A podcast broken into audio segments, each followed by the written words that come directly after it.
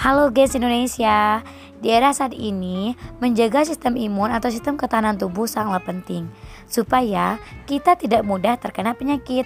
Caranya bagaimana sih? Yaitu dengan selalu menerapkan pola hidup bersih dan sehat. Misalnya, selalu mengkonsumsi makanan-makanan yang bergizi, terutama makanan yang banyak mengandung vitamin C.